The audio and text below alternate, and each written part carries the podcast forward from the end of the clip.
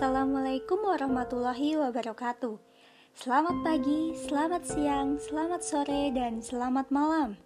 Kepada yang terhormat Bapak Profesor Dr. Haryanto dan kepada yang terhormat Mbak Wingke Capri Arti Sukmana selaku dosen-dosen pengampu Sistem Sosial Politik Indonesia Departemen Politik dan Pemerintahan UGM. Dan juga kepada seluruh teman-teman yang sedang mendengarkan rekaman ini. Sebelumnya, perkenalkan nama saya Fitri Ayu Salsabila dari DPP 2020. Dalam rekaman ini, saya akan menganalisis melemahnya fungsi dan peran partai politik di era Orde Baru. Masyarakat dengan berbagai kebutuhan memerlukan pemenuhan kepuasan dari sebuah sistem. Tuntutan kepentingan tersebut merupakan input yang diharapkan dapat masuk dalam sistem politik agar diproses oleh struktur-struktur yang ada sehingga menghasilkan output berupa tindakan atau kebijakan dalam rangka menjawab dan memenuhi input yang masuk. Namun, semua kebutuhan tersebut bisa jadi tidak terpenuhi apabila tuntutan tidak terorganisir secara baik yang pada akhirnya tidak dapat masuk dalam sebuah sistem politik untuk diproses. Sebuah tuntutan agar dapat masuk dalam sistem politik harus mempunyai wadah komunikasi untuk menyampaikannya. Dalam hal ini, partai politik hadir sebagai alat komunikasi politik yang berperan penting dalam menyampaikan tuntutan tersebut. Apabila fungsi komunikasi partai politik yang diteruskan dengan fungsi agregasi atau penggabungan kepentingan dan fungsi artikulasi atau perumusan kepentingan tidak dapat berjalan dengan baik, maka proses penyampaian tuntutan tidak akan terlembaga, sehingga yang muncul adalah feedback dari masyarakat, baik berupa demonstrasi maupun petisi. Ironinya, kondisi inilah yang terjadi di era Orde Baru, di mana partai politik tidak dapat menjalankan fungsi menampung dan menyalurkan aspirasi masyarakat kepada sistem politik sebagaimana mestinya. Rekaman ini bertujuan untuk melihat kebijakan yang menyebabkan melemahnya peran partai politik di era Orde Baru. Beberapa poin yang akan menjadi pembahasan dalam ilustrasi ini adalah dampak fusi partai dan juga kebijakan masa mengambang terhadap peran dan fungsi dari partai politik di era Orde Baru. Pengangkatan Presiden Soeharto melalui Super Semar menjadikan kekuasaannya ada di segala bidang, di masa ini, presiden memiliki kekuasaan untuk mengontrol semua elemen sistem politik demi mempertahankan posisinya. Akibatnya, struktur-struktur negara yang ada menjadi tidak leluasa dalam menjalankan fungsi. Khususnya dalam konteks ini adalah partai politik. Melalui instrumen berupa Undang-Undang Nomor 3 Tahun 1975 tentang Partai Politik dan Golkar, pemerintah berupaya mengerdilkan fungsi dari partai politik Alih-alih melakukan revitalisasi terhadap sistem kepartaian, kebijakan penyederhanaan jumlah partai politik justru menjadi agenda utama pemerintah pada awal Orde Baru.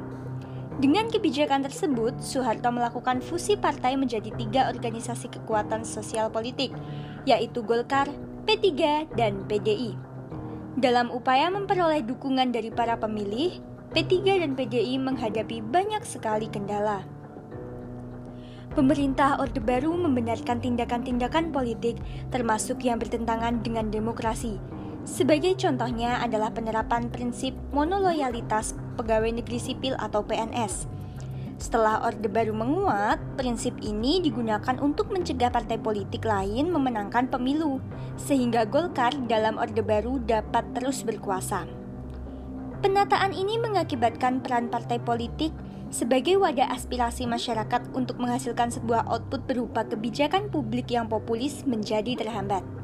Terbukti dengan adanya kebijaksanaan publik yang kurang memperhatikan aspirasi politik rakyat dan hanya sebagai sarana legitimasi kepentingan penguasa semata.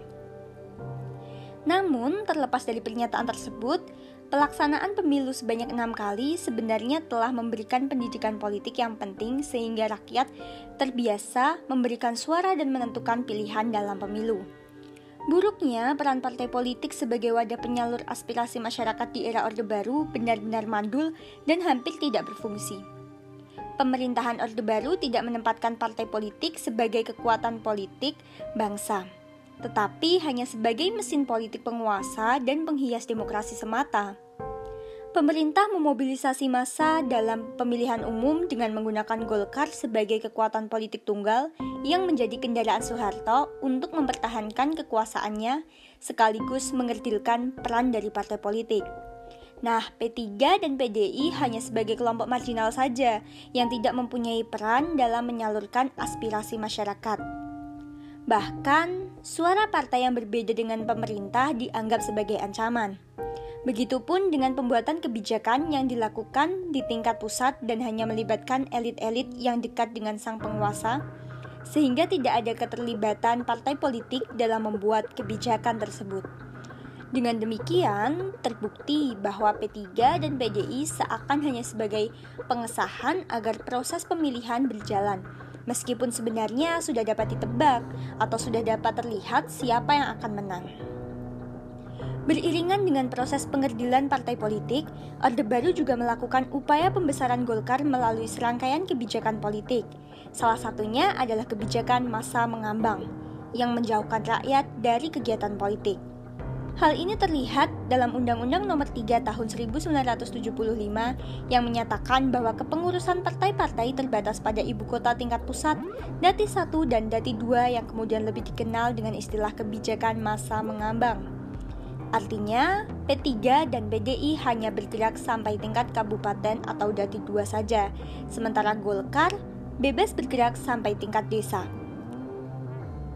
Dengan berlakunya peraturan tersebut, maka partai politik tidak mungkin menjalankan peran dan kegiatan politik di pedesaan. Sementara Golkar yang diidentifikasikan sebagai non-partai terlepas dari dampak tersebut. Golkar dapat melalui jalur birokrasi pedesaan sehingga mampu menampilkan peranannya yang dominan. Pada akhirnya, fungsi dan peran partai politik pun melemah, sehingga aspirasi rakyat tidak terorganisir dengan baik. Padahal, menurut Miriam Budiarjo dalam bukunya Dasar-Dasar Ilmu Politik, partai politik berfungsi sebagai sarana komunikasi politik, sosialisasi politik, rekrutmen politik, dan pemberes konflik.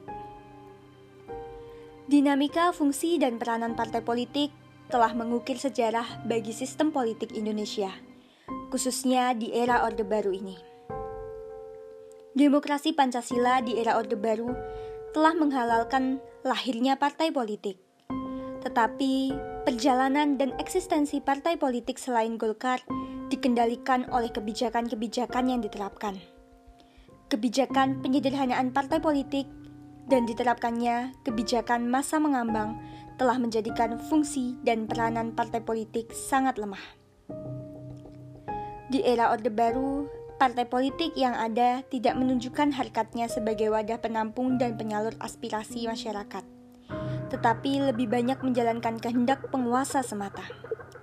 Dengan demikian, di era reformasi yang lebih membuka keran kebebasan, elit-elit politik seharusnya mampu membangun partai politik yang lebih efisien dan efektif agar dapat menjalankan fungsi dan peran lebih kuat dalam sistem politik demokrasi Indonesia. Sekian pemaparan dari saya. Semoga apa yang disampaikan dapat bermanfaat bagi yang mendengarkan. Terima kasih, maaf bila ada kesalahan. Wassalamualaikum warahmatullahi wabarakatuh.